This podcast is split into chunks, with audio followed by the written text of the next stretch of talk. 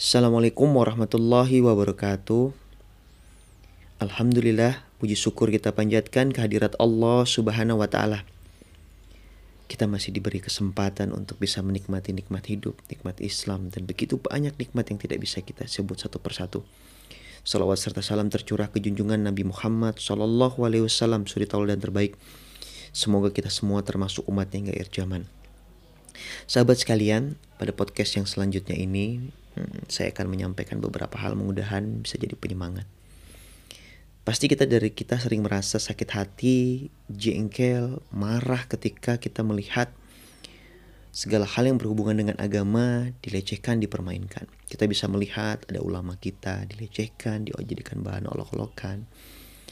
Kita bisa melihat begitu banyak simbol-simbol agama, eh, ayat suci Al-Quran, segala sesuatu yang berkaitan dengan agama dijadikan senda gurau belaka dan olok-olokan. Saya yakin pasti di hati orang-orang yang beriman, mereka bersemaiman walaupun setitik, engkau akan merasa sakit hati.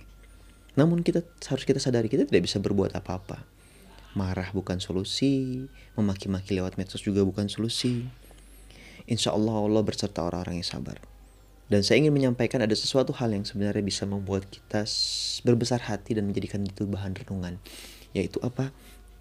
Allah menjanjikan bagi orang-orang beriman yang beramal sore, yang sabar, yang baik, surga yang seluas langit dan bumi. Surga yang seluas langit dan bumi dijanjikan kepada orang-orang soleh.